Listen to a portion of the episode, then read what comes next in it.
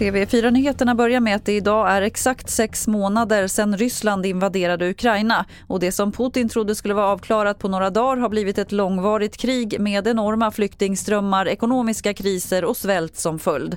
Och oron är stor för nya ryska attacker idag. Jonas Källgren rapporterar från Odessa. Ja, oron är jättestor. Nu har natten faktiskt varit ganska lugn och morgonen också. Det var flyglarm i stora delen av landet, även här i Odessa. Men inga robotattacker än så länge, eller flygattacker. Så eh, en lugn morgon, men oron är stor inför dagen att eh, Ryssland då ska attackera framförallt infrastruktur eller symboliska viktiga byggnader som regeringsbyggnader.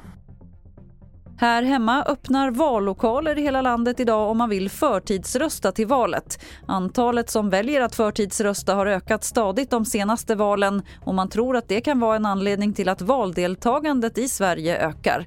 Förra valet lades mer än var tredje röst i förtid. Vi kan också berätta att det är betydligt fler som vill se Magdalena Andersson som statsminister än Ulf Kristersson. Det visar en mätning som TV4 Nyheterna låtit göra.